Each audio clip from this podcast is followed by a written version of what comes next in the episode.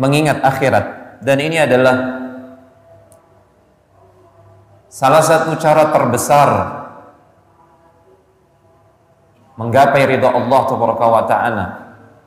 Salah satu cara yang disebutkan berdasarkan nas dalam banyak ayat-ayat Al-Quran dan juga hadis-hadis Rasulullah SAW mengingat akhirat ini adalah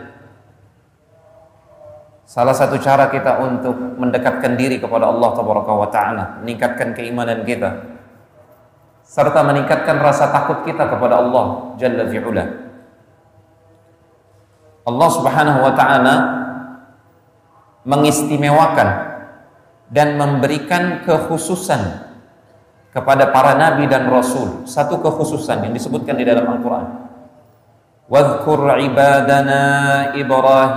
Ishaq wa Yaqub ulil aidi wal absar inna akhlasnahum bi khalisatin dzikrad dar Ingatlah wahai Muhammad sallallahu alaihi wasallam ingatlah tentang hamba-hamba kami yang terpilih.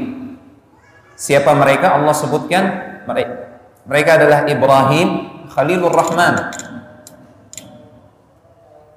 Kemudian Ishak putra beliau yang juga seorang nabi. Kemudian Yakub juga seorang nabi. Kami istimewakan mereka. Kami khususkan mereka dengan kekhususan. Apa itu? Zikrad dar mereka adalah orang-orang yang senantiasa mengingat akhirat dan mengingatkan manusia akan akhirat. Ini dua. Disebutkan dalam At-Tafsir Al-Muyassar tentang ayat ini, "Inna akhlasnahum bi khalisatin dzikrad dar." Sesungguhnya kami mengistimewakan, mengkhususkan para nabi dan rasul. Disebutkan dalam ayat tersebut Ibrahim, Ishak, Yakub apa kekhususan mereka? Dalam tafsir Al-Muyassar disebutkan mereka senantiasa mengingat akhirat. Ini yang pertama. Kemudian yang kedua mengingatkan manusia tentang akhirat. Mengingat akhirat dan mengingatkan manusia tentang akhirat ini adalah kekhususan dan keistimewaan para nabi dan rasul jamaah sekalian yang melakukan Allah taala. Sehingga insya Allah majelis kita pada malam hari ini dalam rangka mengingat akhirat ini adalah majelis yang mengikuti majelisnya para nabi dan rasul. Karena nabi dan rasul senantiasa mengingat akhirat dan mengingatkan para sahabat serta pengikutnya akan akhirat. Itu sebabnya para sahabat radhiyallahu ta'ala ajma'in jemaah sekalian. Kenapa keimanan mereka tidak bisa disaingi oleh orang-orang setelah mereka? Pertama, karena mereka dididik oleh Rasulullah Shallallahu Alaihi Wasallam dengan pertama kali diingatkan akan akhirat.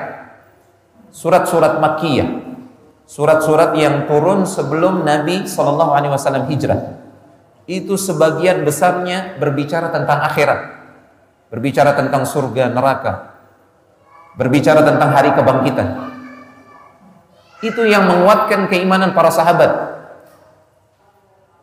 Menjadikan mereka pejuang-pejuang sejati di jalan Allah taala. Sehingga mereka jangankan kampung halaman mereka Makkah, jangankan keluarga mereka, harta benda mereka, diri mereka mereka korbankan.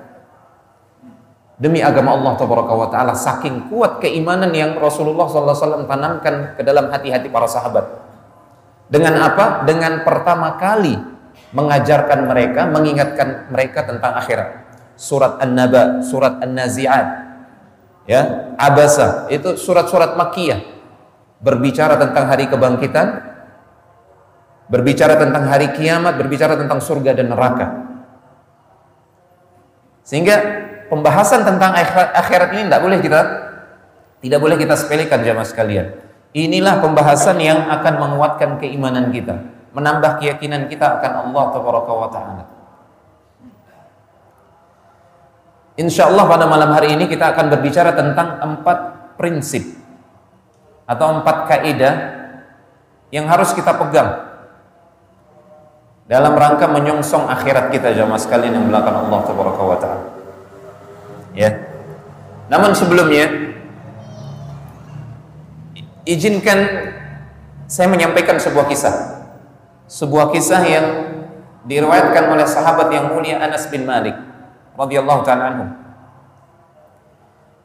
Anna rajulan min ahli al-badiyati ata Nabiy sallallahu alaihi wasallam. Suatu ketika seorang laki-laki Badui, Arab Badui mendatangi majelisnya Rasulullah sallallahu alaihi wasallam. Tiba-tiba laki-laki ini bertanya, "Ya Rasulullah sallallahu alaihi wasallam, mata sa'atu qa'imah?" Wahai Rasulullah sallallahu alaihi wasallam, kapan hari kiamat itu akan terjadi? Wailak, celaka kamu. Ini jawaban Rasulullah sallallahu alaihi wasallam. Wa ma? Celaka kamu. Apa yang engkau persiapkan untuk menyambut datangnya hari kiamat tersebut? Ini jawaban Rasulullah. Rasulullah tidak menjawab kapan terjadinya hari kiamat. Karena memang tidak ada yang tahu kecuali Allah Subhanahu wa taala dan tidak penting untuk kita ketahui. Rasulullah SAW mengalihkannya kepada jawaban yang lebih penting. Apa itu? Wa ma. Apa yang kau siapkan untuk menyambut hari kiamat tersebut? Laki-laki ini menjawab, "Ma a'dattu laha illa anni uhibbullaha wa rasulah." Tidak ada yang saya siapkan untuk menyambut hari kiamat itu wahai Rasulullah sallallahu alaihi wasallam kecuali satu amalan yang saya andalkan. Saya cinta kepada Allah dan Rasulnya. Allah Akbar. Saya ada saya punya satu amalan yang saya andalkan wahai Rasulullah wasallam. Saya cinta kepada Allah dan Rasulnya. Ini amalan hati, mahabbah. Kemudian apa jawaban Rasulullah SAW? Perhatikan. Anta ma'aman ahbabta.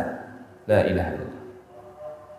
Kalau begitu, kamu akan bersama orang yang engkau cintai. Kalau jujur, engkau cinta kepada Allah dan Rasulnya, nanti engkau akan bersama orang-orang yang engkau cintai, Rasulnya dan para sahabatnya, dan orang-orang yang beriman yang masuk ke dalam surga Allah Taala.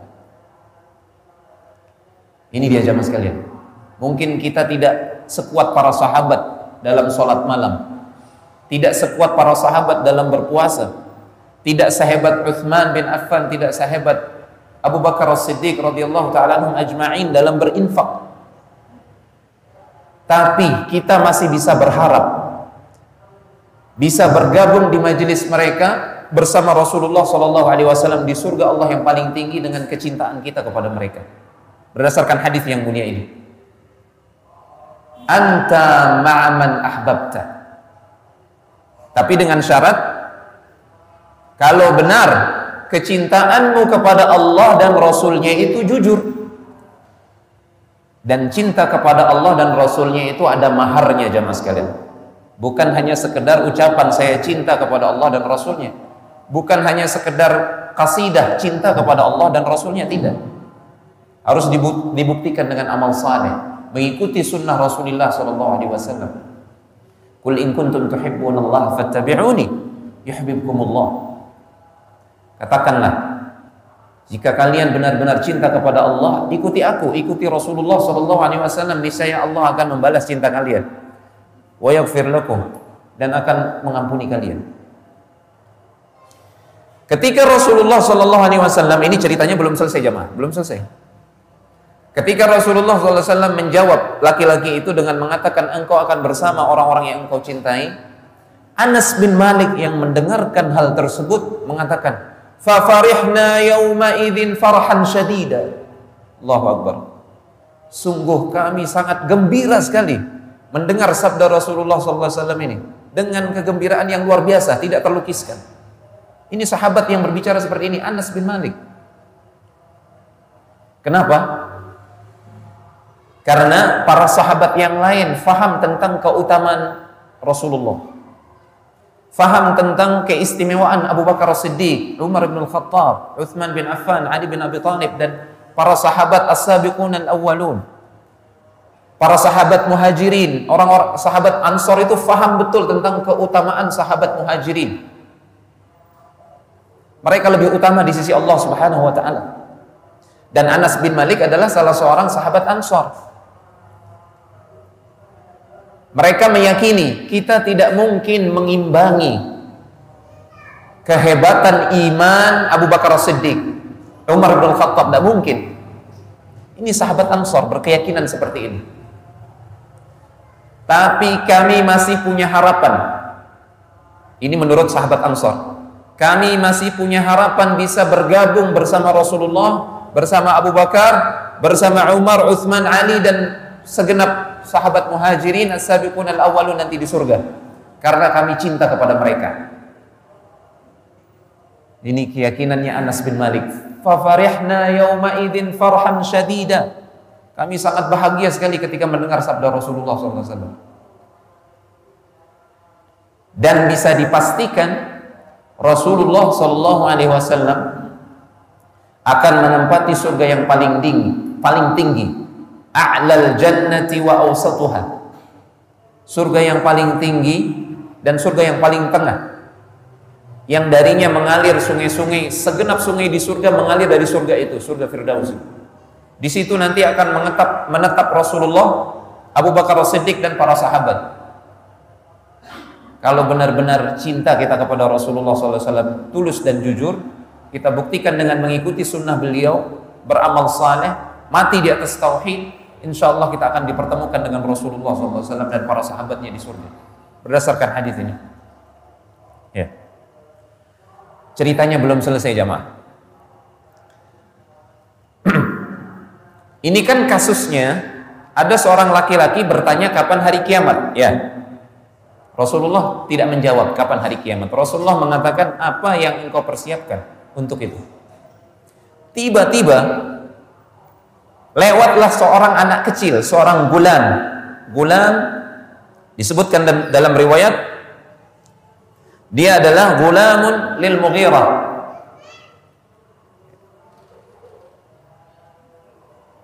Fakana min akrani dan anak kecil ini adalah temannya Anas bin Malik ketika kecil.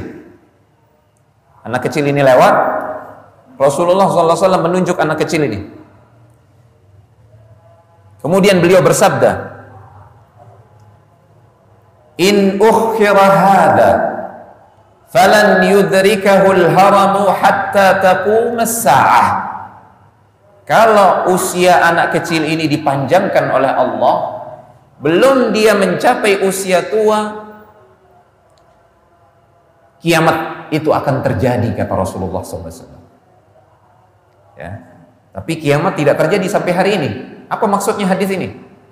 Hadis ini hadis ini dijelaskan oleh hadis Bukhari dalam riwayat Aisyah radhiyallahu taala Ini riwayat Bukhari dari Anas bin Malik. Para ulama melihat riwayat yang lain, riwayat Aisyah juga dalam Sahih Al-Bukhari. Di situ disebutkan hatta taquma alaikum sa'atukum. Kalau usia anak kecil ini panjang, belum dia mencapai usia tua, kalian semua akan menemui kiamat kalian masing-masing. Hisham, salah seorang perawi hadis ini mengatakan, ay mautuhum. Yang dimaksud dengan kiamat kalian masing-masing adalah kematian kalian masing-masing. Jadi apa makna hadis ini jamaah?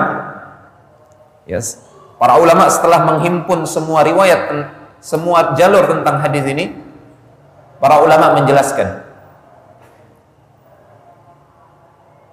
jangan kalian khawatir akan datangnya hari kiamat kubra itu kalau kalian mati di atas tauhid dan keimanan, kiamat kubra itu tidak akan menimpa kalian. Karena kiamat kubra itu hanya akan menimpa dalam hadis disebutkan syirarul khalqi, manusia-manusia yang paling buruk, paling bejat. Bukan orang beriman. Hanya akan menimpa orang kafir, tidak perlu dikhawatirkan. Yang penting kita ini mati di atas tauhid dan iman. Yang perlu dikhawatirkan adalah idza qamat sa'atukum kalau hari kiamat kalian masing-masing itu menimpa kalian. Ini yang perlu kita khawatirkan jemaah sekalian. Boleh jadi besok, boleh jadi lusa, boleh jadi pekan depan. Siapa yang tahu? Kita tidak tahu. Apalagi di akhir-akhir ini tiba-tiba kita banyak sekali menerima berita kematian. Orang-orang yang kita kenal, tetangga kita, saudara kita, guru kita bahkan. Dan tidak jarang murid-murid kita lebih dulu. La ilaha illallah. Serasa kematian itu semakin dekat kepada kita. Ini yang perlu kita khawatirkan. Apa yang apa yang sudah kita persiapkan untuk menemui kiamat kita masing-masing. Ini jemaah. Sehingga prinsip yang pertama, prinsip yang pertama jemaah sekalian, ini siapa yang hidupnya tamat ajalnya tiba maka telah datang padanya kiamat tidak perlu nunggu kiamat kubro. Kiamat kita masing-masing akan menghampiri kita. Dan itu dekat sekali. Kullu atin qaribun. Para ulama mengatakan setiap segala sesuatu yang pasti datang maka pada hakikatnya dia dekat. Sekalipun dia seribu tahun lagi tapi dia pasti datang kematian itu. Maka kematian itu pada hakikatnya dekat. Maka jangan tunggu besok, jangan tunggu lusa kita bertobat kepada Allah taala. Jangan tunggu Imam Mahdi datang, jangan tunggu Nabi Isa turun. Sehingga seluruh manusia beriman. Saat ini kita harus segera kembali kepada Allah taala dengan taubat, dengan istighfar, memperbaiki amal kita. Memuhasabah amal kita. Masih sesuai tidak dengan sunnah Rasulullah SAW kemudian hati kita kita muhasabah juga apakah saya masih berada di atas keikhlasan dalam beramal kepada Allah Taala? Sebelum datang hari kiamat kita masing-masing. Ya ini prinsip yang pertama. Man atat humaniyatu faqad qamat mani faqad qamat qiyalatuh ada ungkapan yang bagus sekali mengatakan Siapa yang telah didatangi oleh ajalnya Maka kiamatnya sudah tiba Tidak perlu menunggu kiamat kubro Maka konsekuensinya Tidak boleh kita menunda-nunda Dalam rangka menyongsong akhirat itu jamaah sekalian. Boleh jadi akhirat kita besok. Karena jarak kita dengan akhirat itu tidak panjang. Jarak antara kita dengan akhirat itu jarak antara kita dengan kematian kita. Saat ruh kita dicabut oleh Allah berpisah dengan jasad kita, di situlah hari pertama kita masuk ke dalam alam akhirat. Alam barzah itu sudah alam akhirat. Jadi tidak perlu nunggu lama. Dan tidak boleh kita bersikap taswif. Taswif itu apa? Dari kata-kata saufa, saufa, nanti, nanti. Nanti dah saya tobat. Nantilah saya nuntut ilmu. Nantilah saya eh, berinfak bersedekah. Nanti saya nabung untuk haji nanti nanti. Ini taswif. Maka prinsip yang pertama ini harus kita ingat selalu. Kiamat kita itu dekat, kiamat kita masing-masing kematian kita.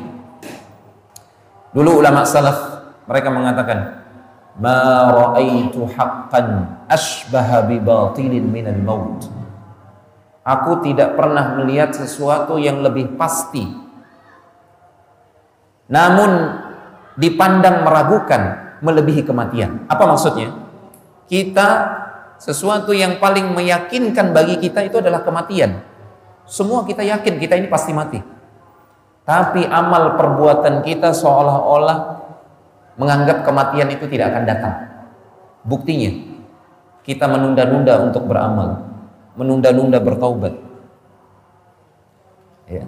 Tidak bikin wasiat, tidak berpesan. Nah ini dia jamaah sekali. Kemudian prinsip yang kedua,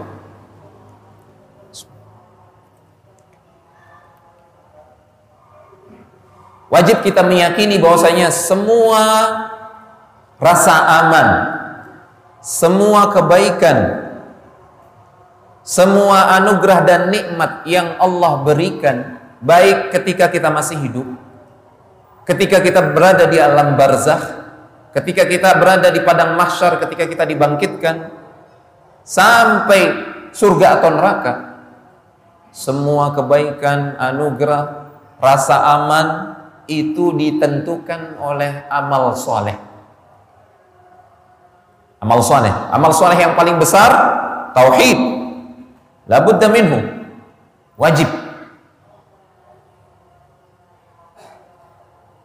Ya ayyuhalladzina amanu taqullaha haqqa tuqatih wa la tamutunna illa wa antum muslimun. Jangan kalian mati kecuali di atas tauhid.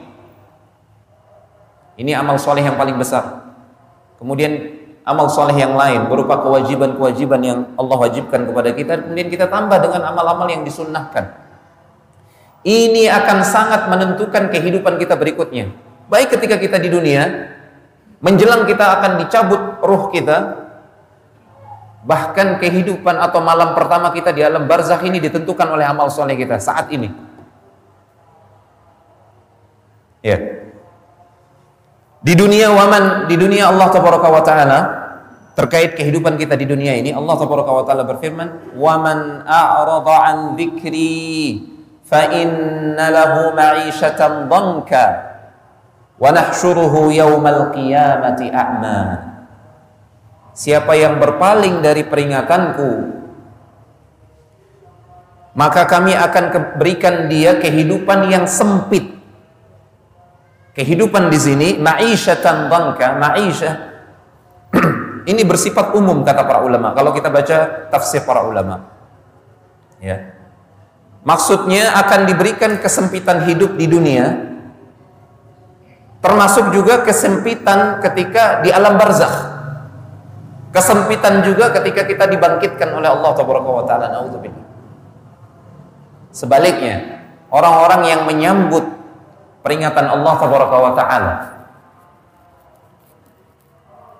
mengikuti jalan tauhid, mengikuti Rasulullah sallallahu alaihi wasallam dan para sahabatnya di atas ketaatan dan amal saleh, maka sebaliknya dia akan diberikan kehidupan yang lapang di dunia, di alam barzah dan di akhirat.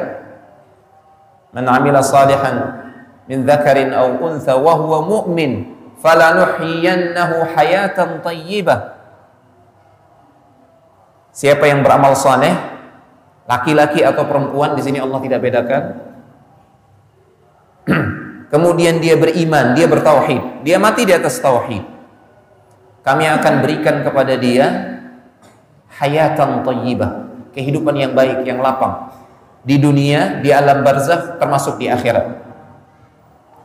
Sekali lagi ditentukan oleh apa? Amal saleh.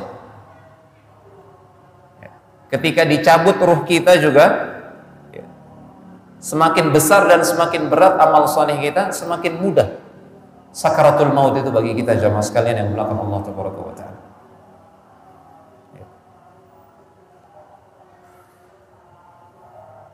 Kemudian saat di alam kubur yang menentukan fasilitas di alam kubur di dunia ini kan ada fasilitas, fasilitas VIP luar biasa.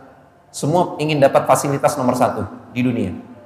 Nah kalau ingin dapat fasilitas yang membahagiakan di alam barzakh maka kuncinya itu tauhid, sunnah Rasulullah Shallallahu Alaihi Wasallam dan amal soleh. Itu semua penentunya. Di alam barzakh ada himpitan, ada satu himpitan disebutkan dalam hadis yang sahih. Inna fil qabri dhaqtatan law law naja minha ahadun lanaja minha Sa'ad ibnu Mu'ad radhiyallahu taala Di dalam kubur setelah kita dimasukkan ke dalam kubur itu ada satu himpitan. Andai kata ada orang yang bisa selamat dari himpitan tersebut maka Sa'ad bin Mu'adz lah orangnya. Sa'ad, Sa'ad bin Mu'adz.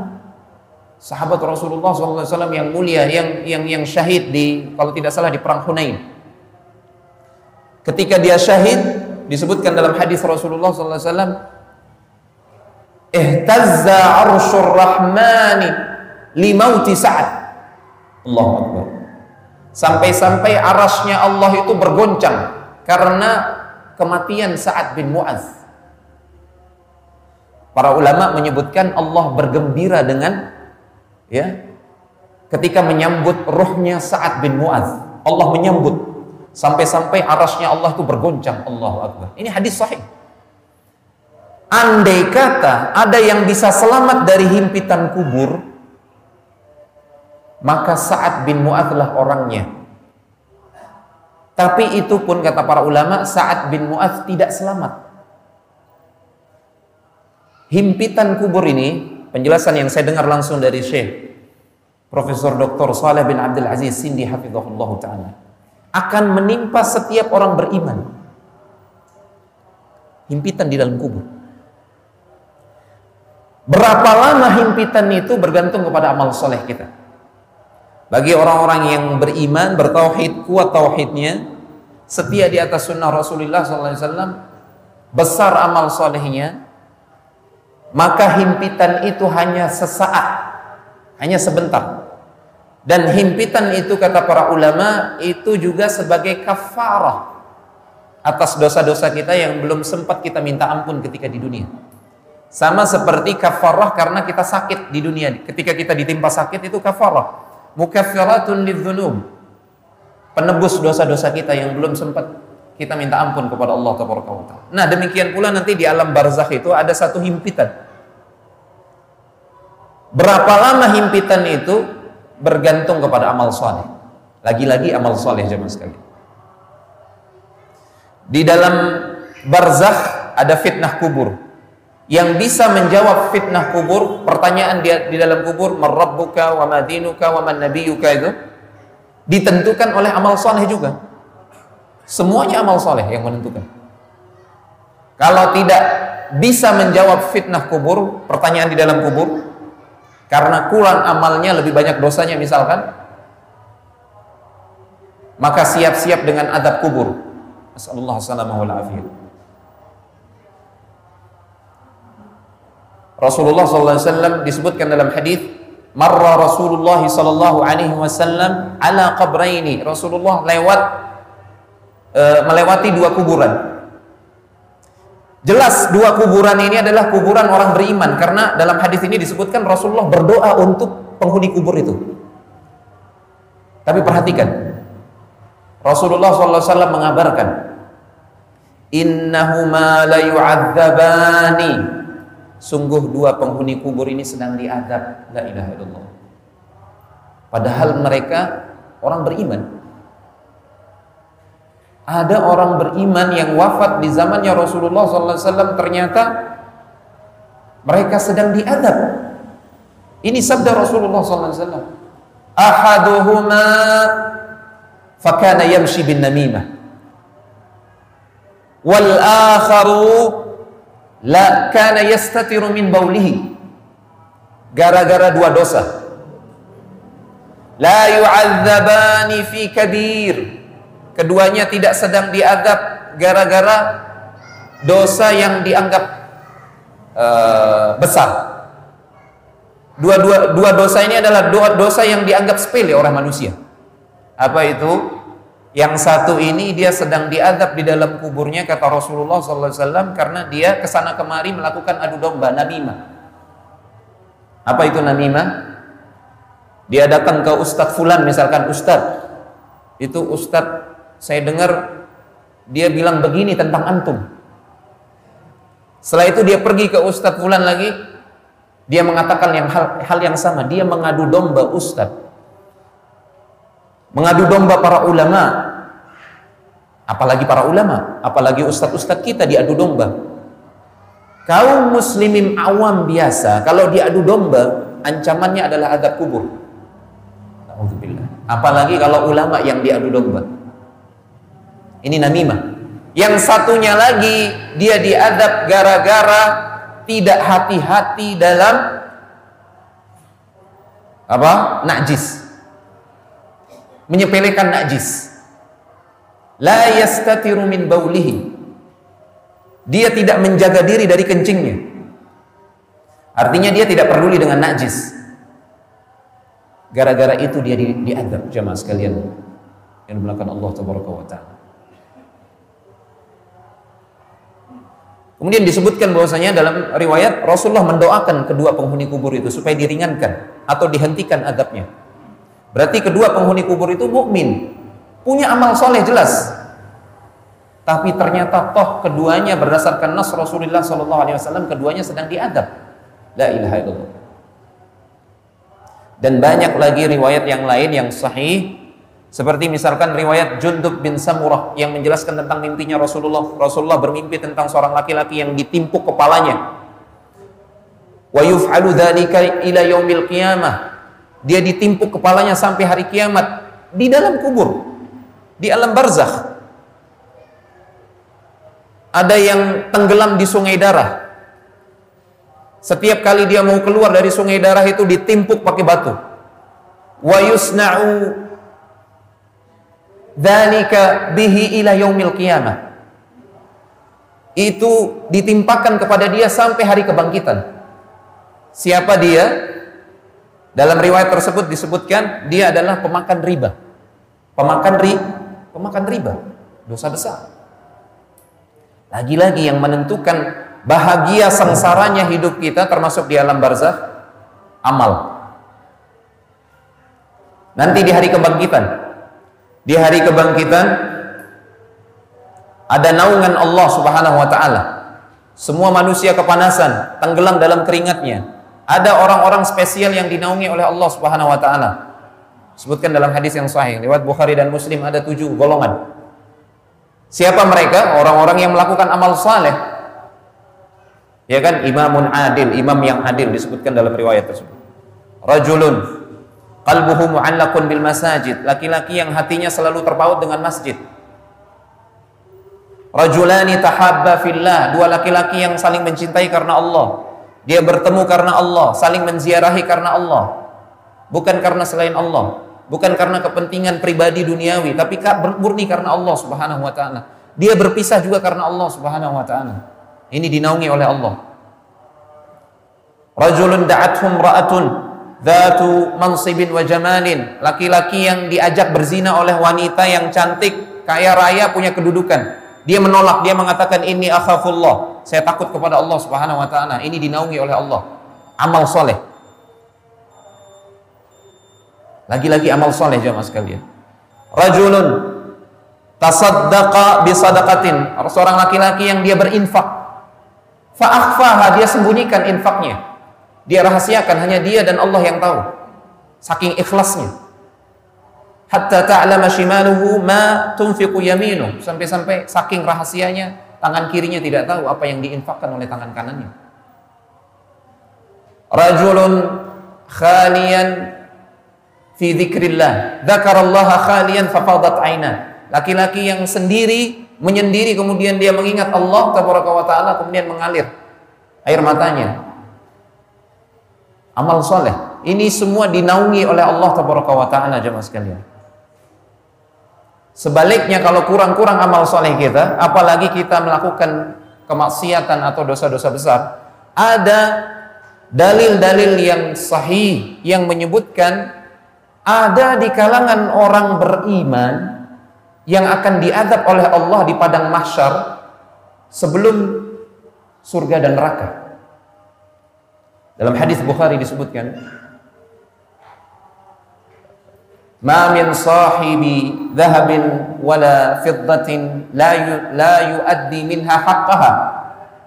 إلا إذا كان يوم القيامة سفحت له صفائح من نار فأحمي عليها في نار جهنم فيكوى بها جنب جنبه وجبينه وظهره.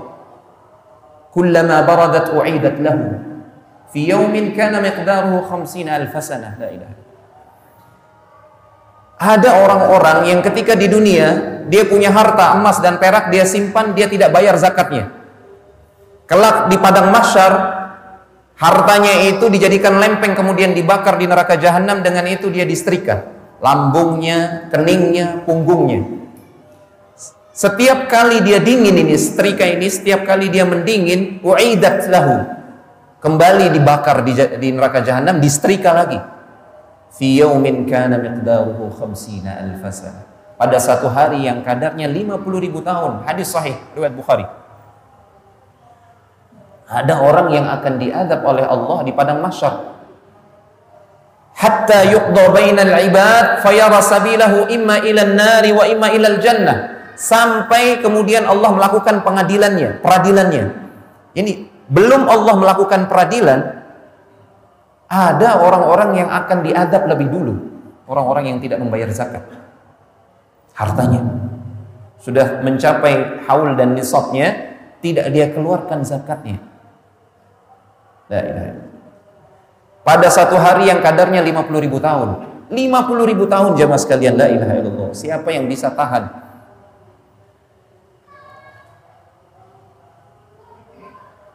Ta'rujul malaikatu warruhu ilaihi fi yaumin kana miqdaruhu 50 alf sanah. Ini ayat di, di kalau tidak salah di awal-awal surat Al-Ma'arij. Para ulama menafsirkan nanti hanya ada satu hari di akhirat Ketika kita dibangkitkan hanya ada satu hari. Dan satu hari itu kadarnya 50 ribu tahun. Dalam At-Tafsir Al-Muyassar disebutkan 50 ribu tahun itu hanya akan dirasakan oleh orang-orang kafir. Adapun orang-orang yang bertauhid, apalagi orang-orang yang setia di atas sunnah Rasulullah Sallallahu Alaihi Wasallam, apalagi orang-orang yang beramal soleh selama hidupnya, dalam tafsir Muyassar disebutkan 50 ribu tahun itu hanya dirasakan seperti sholat lima waktu. Allahu Akbar. Sekali lagi, penentunya adalah amal, amal soleh. Iman dan amal soleh kita. Semakin besar amal soleh kita di sisi Allah Taala, tentu yang dimaksud amal soleh ini amal soleh yang diterima oleh Allah. Percuma kalau tidak diterima oleh Allah Subhanahu Wa Taala. Percuma amal soleh yang diterima oleh Allah Taala yang memenuhi dua syarat ikhlas dan mutaba'ah mengikuti sunnah dan petunjuk Rasulullah SAW semakin berat timbangan amal soleh kita yang diterima di sisi Allah semakin mudah semakin hebat fasilitas yang kita dapat nanti di akhirat jemaah sekalian penentunya lagi-lagi adalah amal soleh ini dia prinsip yang kedua sehingga tugas kita Simple dan sederhana sebenarnya. Kita hidup dan berjalan di muka bumi ini sederhana sekali tugas kita. Kumpulkan amal saleh. Itu saja sudah. Rizki sudah dijamin oleh Allah Taala. Usia sudah ditetapkan, sudah dipatok oleh Allah Subhanahu wa taala. Tinggal kita manfaatkan rizki dan usia yang diberikan oleh Allah kepada kita untuk mengumpulkan sebanyak-banyaknya pun di amal saleh. Ya. Termasuk besarnya cahaya nanti bagi kita ketika kita melintasi sirat itu ditentukan sebesar amal soleh kita. Kecil amal soleh kita ya kecil kita dapat cahaya nanti. Karena setelah Allah menimbang amal segenap manusia, Allah klasifikasikan manusia Yahudi bersama Yahudi, Nasrani bersama Nasrani, penyembah matahari bersama penyembah matahari, orang beriman bersama orang beriman. Kemudian Allah ciptakan zulmah, kegelapan total. Baru kemudian Allah bagikan cahaya kepada orang-orang beriman sesuai dengan kadar iman dan amal soleh mereka. Ada yang cahayanya seperti gunung Uhud disebutkan dalam hadis yang sahih. Ada yang cahayanya seperti pohon kurma, ada yang cahayanya seperti di ujung kakinya, kedap-kedip. Hidup sebentar, mati Hidup lagi sebentar, mati lagi. Ini bergantung kepada. Dengan itu dia melintasi sirat ala matni jahannam yang membentang di atas neraka jahannam. Itu modalnya, cahaya itu. Bayangkan kalau cahaya kita kedap-kedip melintasi jahannam, di bawahnya neraka jahannam. Wa imminkum illa wariduha. Allah menyebutkan dalam Al-Qur'an, tidak ada di antara kalian melainkan pasti akan melintasi jahanam itu, melintasi sirat itu. Kita semua. Kemudian seberapa cepat kita bisa melintasi sirat itu ditentukan juga oleh amal soleh kita jemaah. Lagi-lagi amal soleh. Sehingga tidak cukup. Tidak cukup, apalagi ya, apalagi kalau sampai kita berbangga diri Oh, saya sudah bertauhid. Saya sudah mengenal sunnah. Tapi meremehkan amal soleh. Bahaya jamaah sekalian, bahaya. Dikhawatirkan ini adalah ujub yang menghapuskan semua amal soleh yang kita lakukan. Termasuk amal soleh di atas sunnah yang sudah kita kerjakan. Kalau muncul rasa ujub, bangga diri, bahaya. Ya, itu prinsip yang kedua. Mohon maaf, uh, waktunya sudah habis? Sudah masuk waktu Isya? Lagi berapa menit? Saya lanjutkan sebentar ya. Lagi dua, lagi dua poin. Kemudian yang ketiga jamaah sekalian yang melakukan Allah wa taala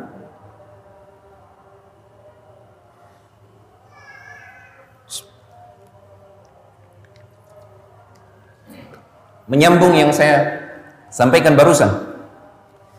Prinsip yang ketiga, jadilah ahli tauhid, ahli sunnah dan ahli ta'ah.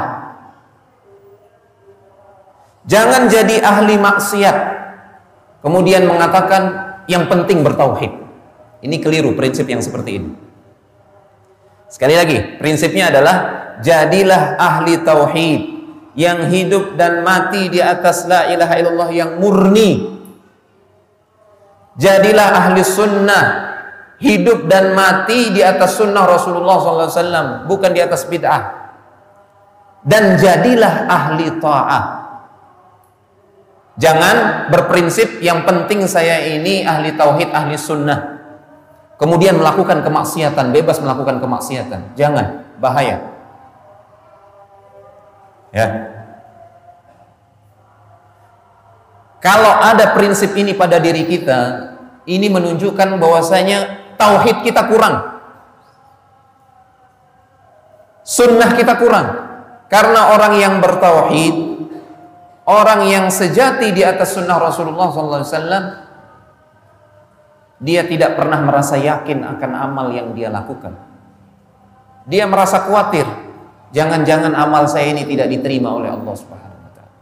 Tidak pernah merasa bangga dengan sebesar apa pun amal yang dia lakukan, tidak pernah. Ini ahli tauhid, ahli sunnah sejati jemaah sekalian. Tidak pernah dia merasa bangga.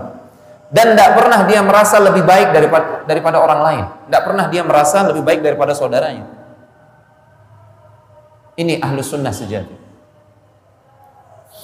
Karena dalil-dalil menyebutkan ada orang-orang bertauhid yang mati di atas iman tapi melakukan kemaksiatan-kemaksiatan demi kemaksiatan diadab oleh Allah Subhanahu wa taala di dalam kuburnya ketika di hari kebangkitan paling tidak naudzubillah diharamkan untuk minum di telaga Rasulullah SAW yang disebutkan dalam hadis yang sahih. Telaga Rasulullah SAW nanti berada di padang mahsyar. Di saat-saat yang sangat dibutuhkan ketika manusia kepanasan, kehausan, mandi di dalam keringatnya, tidak dapatkan naungan, butuh minum. Ada manusia-manusia yang akan diusir dari teraganya Rasulullah SAW. Berdasarkan nas, berdasarkan nas. Ya, kalau bukan karena waktu, insya Allah saya bawakan dalil yang menyebutkan bahwasanya ada pelaku maksiat yang diusir dari teraga Rasulullah SAW. Padahal Rasulullah mengatakan, ummati, ummati, Kenapa mereka diusir? Mereka itu umatku. Umatku. Ya.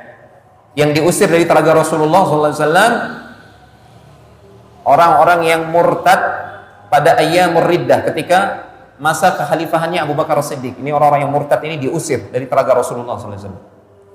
Orang-orang munafik ini diusir dari telaga Rasulullah SAW. Ahli bid'ah ini diusir dari telaga Rasulullah SAW. Ini ada dalilnya. Ada juga dalil yang menyebutkan ahli maksiat diusir dari telaga Rasulullah SAW. Padahal dalil yang sahih menyebutkan man syariba minha syurbatan lam yadma ba'daha abada. Siapa yang minum dari telaga Rasulullah SAW yang ada di padang mahsyar itu sekali teguk tidak akan pernah merasakan kehausan selamanya. La ilaha illallah. Karena apa? Karena air telaganya Rasulullah SAW itu bersumber dari surga. Bersumber dari surga. Inna a'tainakal kautsar. Wahai Muhammad wasallam, sungguhnya kami telah memberikan anugerah kepadamu Al-Kautsar. Al-Kautsar itu adalah satu sungai di surga yang dikhususkan untuk baginda Rasulullah wasallam. Airnya dialirkan oleh Allah ke padang mahsyar. Masuk ke telaganya Rasulullah sallallahu alaihi wasallam itu air yang abadi. Sehingga siapa yang minum di situ sekali minum tidak akan pernah merasakan kehausan selama-lamanya. Semoga Allah Subhanahu wa taala memberikan anugerah kepada kita bisa minum di telaga Rasulullah sallallahu alaihi wasallam, ya. Namun kuncinya sekali lagi jadi ahli tauhid, ahli sunnah, ahli ta'ah. Jauhkan kemaksiatan, dosa-dosa besar. Apa? Dan jauhkan meremehkan dosa kecil. Meremehkan dosa kecil ini termasuk dosa besar. Dan kalau kita jatuh kepada perbuatan dosa besar, jangan lupa ini prinsip yang terakhir, prinsip yang keempat Prinsip yang keempat. Yakinlah bahwasanya rahmat Allah tabaraka wa taala mendahului kemurkaannya. Dalam hadis yang sahih, hadis qudsi disebutkan inna rahmati sabaqat ghadabi. Sesungguhnya rahmatku itu mendahului kemurkaanku. Kalau kita jatuh dalam perbuatan dosa, dosa besar atau pernah melakukan dosa besar, jangan putus asa.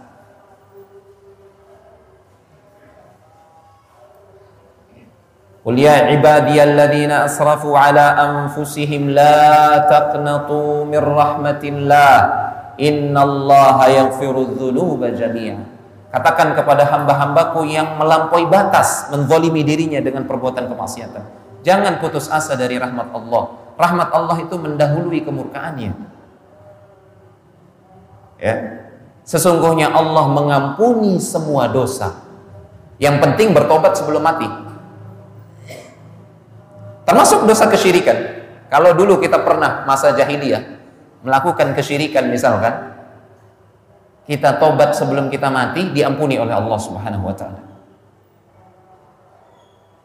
Ini prinsip yang keempat. Karena rahmat Allah wa taala mendahului kemurkaannya. Sudah masuk waktu Isya? Sudah masuk waktu Isya ya? Kita cukupkan jamaah sekalian yang melakukan Allah wa taala. Semoga Allah uh, memberikan kita taufik untuk hidup dan mati di atas tauhid, di atas sunnah Rasulullah SAW dan terus berada di atas ketaatan demi ketaatan yang diterima oleh Allah Subhanahu wa taala. Di atas keikhlasan dan di atas sunnah Rasulullah sallallahu alaihi wasallam. Hadza wa sallallahu ala nabiyina Muhammad wa ala alihi wa sahbihi wasallam wa akhiru da'wana alhamdulillahi rabbil alamin. Assalamualaikum warahmatullahi wabarakatuh. Ada beberapa pertanyaan apa amal soleh yang dapat mempercepat perjalanan kita di atas sirat? E, secara umum, semua amal soleh, semua amal soleh. Nah di sini butuh fikih jamaah sekalian. Tafadulul a'mal sampai sampai sampai para ulama menulis kitab. Syekh Profesor Dr. Ibrahim Ar-Ruhaili punya satu kitab Tajridul Ittiba. Tebal sekali itu khusus membahas penyebab atau faktor-faktor yang menyebabkan satu amalan itu lebih afdol daripada amalan yang lain. Terkadang amalan yang sederhana yang kita pandang sederhana itu bisa mengungguli amalan yang lain yang dianggap luar biasa oleh manusia.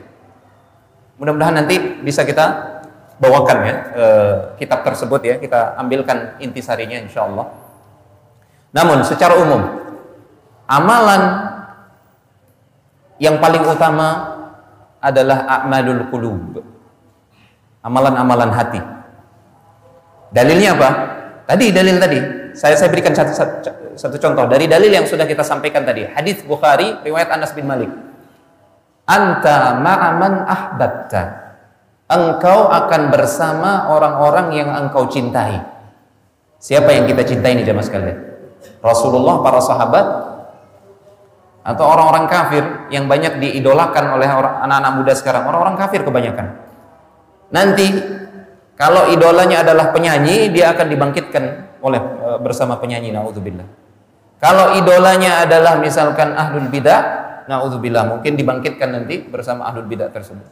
Kalau idolanya adalah orang-orang kafir naudzubillah. Jangan-jangan nanti dibangkitkan bersama orang kafir. Naudzubillah Kalau idolanya adalah Rasulullah dan para sahabat, sekalipun jelas amal solehnya tidak bisa akan menyaingi, menyai, menyamai para sahabat, pasti itu sudah sudah jelas itu. Tidak mungkin kita akan menyamai amal kita. Amal kita menyamai para sahabat tidak mungkin. Tapi dengan kecintaan kita, ini kan cinta mahabbah ini amalan hati. Kecintaan kita kepada salafun salih, para sahabat, dengan itu justru Allah berkenan menyampaikan kita, derajat kita ke derajat mereka. Ini luar biasanya. Amal hati. Luar biasa.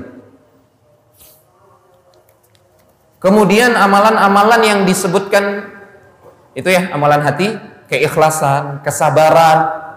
Itu disebutkan dalam Al-Qur'an innama yuwaffas sabiruna ajrahum bighairi hisab. Amalan yang pahalanya tanpa batas itu sabar.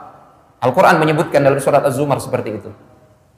Kenapa? Karena sabar itu tidak ada batasnya. Salah orang-orang yang mengatakan kesabaran ada batasnya. Tidak, salah.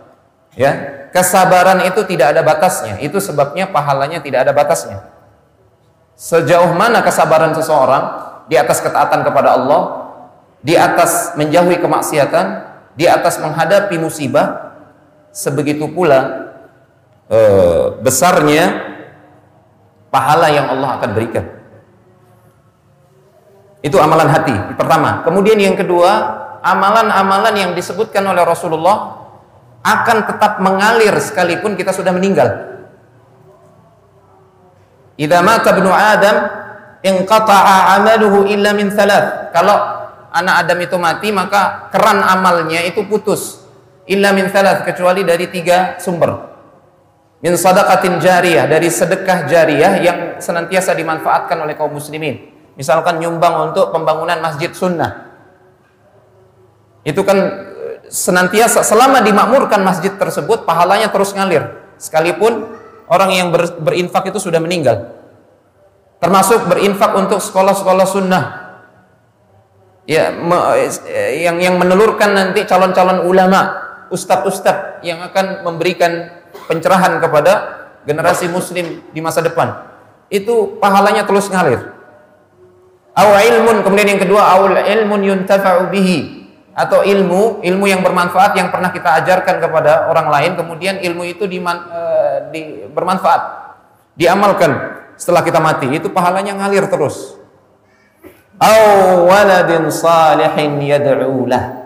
Atau anak yang saleh yang setelah dia meninggal anak soleh itu senantiasa berdoa untuk dia. Ini. Berikan fokus perhatian kepada amalan-amalan yang tetap bisa mengalir setelah kita diwafatkan oleh Allah Subhanahu wa taala. Intinya semakin besar amalan kita semakin besar cahaya kita semakin cepat kita melintasi sirat. Hanya dua yang bisa saya sampaikan karena kalau kita detail uh, waktunya panjang ya amalan-amalan hati, kemudian amalan-amalan yang bisa tetap mengalir setelah kita diwafatkan oleh Allah. Apa maksud doa bagi jenazah dan ganti dan gantikanlah baginya keluarga yang lebih baik dari keluarganya yang di dunia. Wabdillahu da wabdillahu ahlan khairan min ahlihi. Maksudnya adalah surga. Allah taala alam. Maksudnya kalau keluarga yang dia tinggalkan itu adalah bukan ahli, bukan ahli tauhid, ahli sunnah, bukan ahli ta'ah, ya. Maka Allah akan gantikan nanti di surga dengan keluarga yang lebih baik yang akan membawa kebahagiaan bagi dia. Atau dalam tafsiran yang lain alhaqna bihim dzurriyyatahum uh, al uh, nah alhaqna bi imanihim dzurriyyatahum uh, walladzina amanu wattaba'athum dzurriyyatuhum biimanin alhaqna bihim dzurriyyatahum. Nanti ketika uh, orang-orang beriman, ahlu ta'ah masuk surga, ternyata ada di antara keluarganya yang naudzubillah mampir dulu misalkan ke neraka, maka dia akan diberikan hak oleh Allah Subhanahu wa taala untuk memberikan syafaat kepada keluarganya itu. Ya, sehingga nanti keluarganya itu akan diselamatkan oleh Allah tabaraka wa taala kemudian dimasukkan ke dalam surga dipertemukan dengan dia di surga sehingga pada akhirnya dia mendapatkan keluarga yang lebih baik dibandingkan dengan keluarga ketika di dunia. Boleh jadi di dunia naudzubillah nasallallahu salamah wal afiyah, boleh jadi di dunia anaknya anak yang durhaka. Ya. Ini kan buruk, keluarga yang buruk atau istrinya istri yang durhaka misalkan, buruk. Nah, ketika dia masuk surga dengan syafaatnya, nanti Allah pertemukan dia dengan keluarganya. Istri dan anaknya dijadikan istrinya itu dan anaknya itu jadi lebih baik. Karena tidak ada kemaksiatan, tidak ada kedurhakaan, bahkan tidak ada kedengkian di dalam surga. Ya, ini maksudnya diberikan keluarga yang lebih baik. Maksudnya lebih baik kalau dibandingkan dengan di dunia. Artinya dimasukkan ke dalam surga. Wallahu taala a'lam bishawab.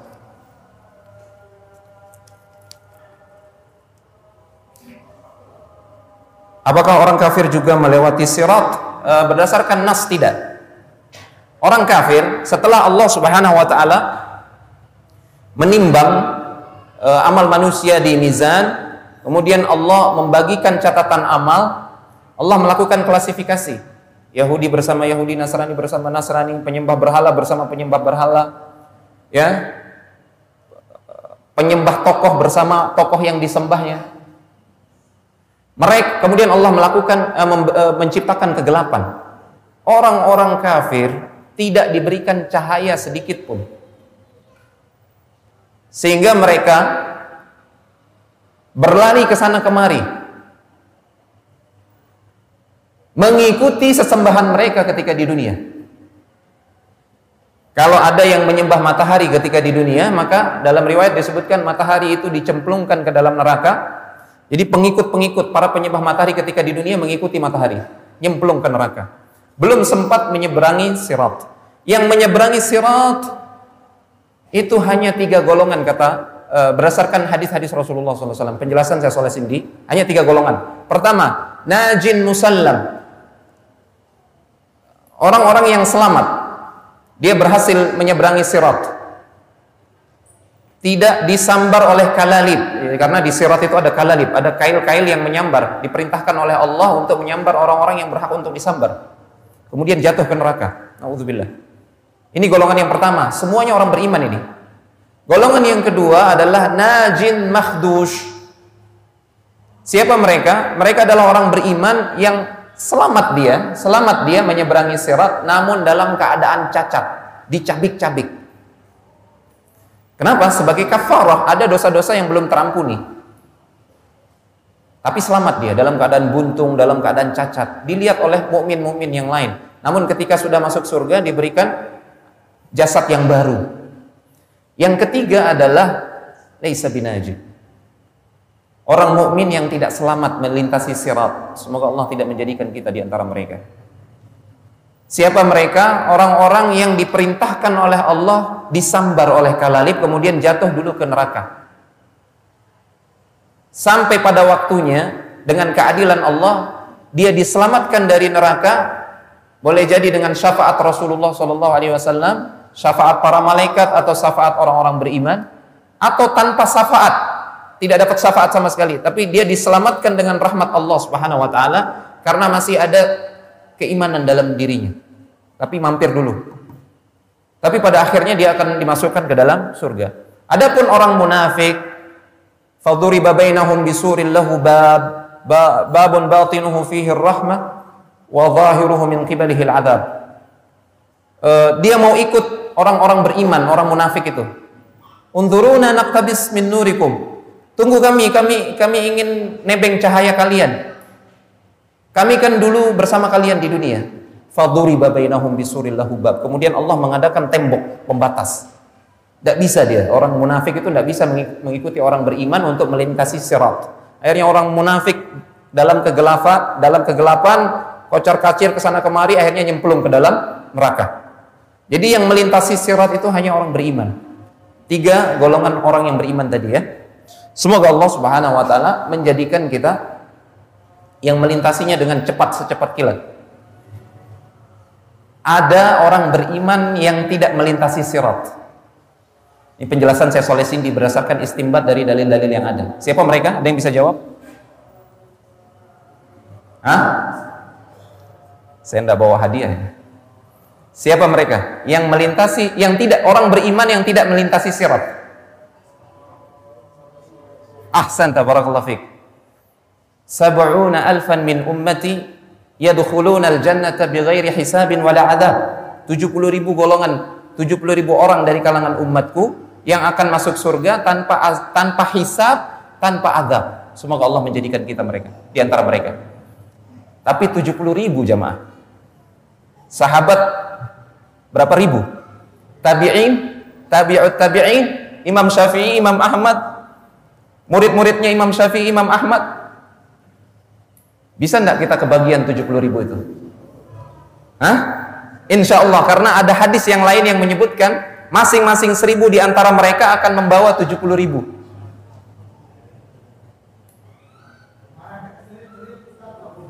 Kenapa?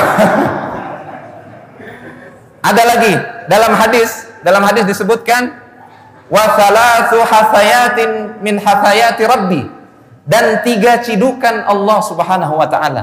Tiga cidukan Allah.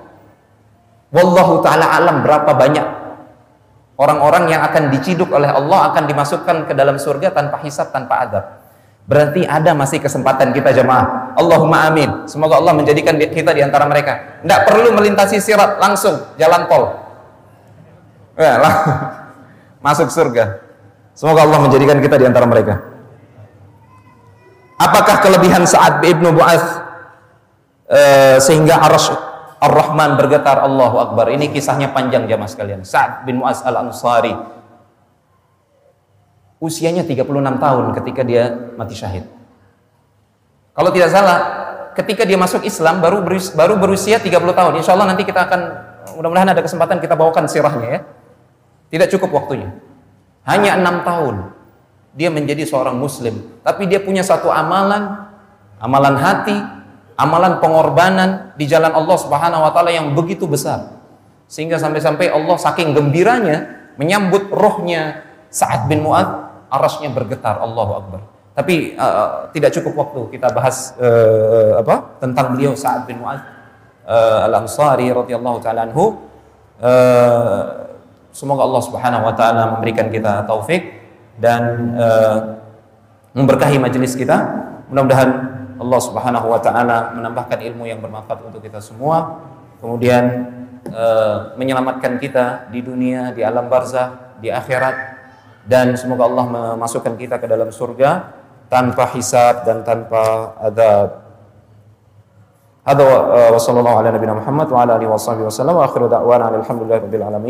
Assalamualaikum warahmatullahi wabarakatuh.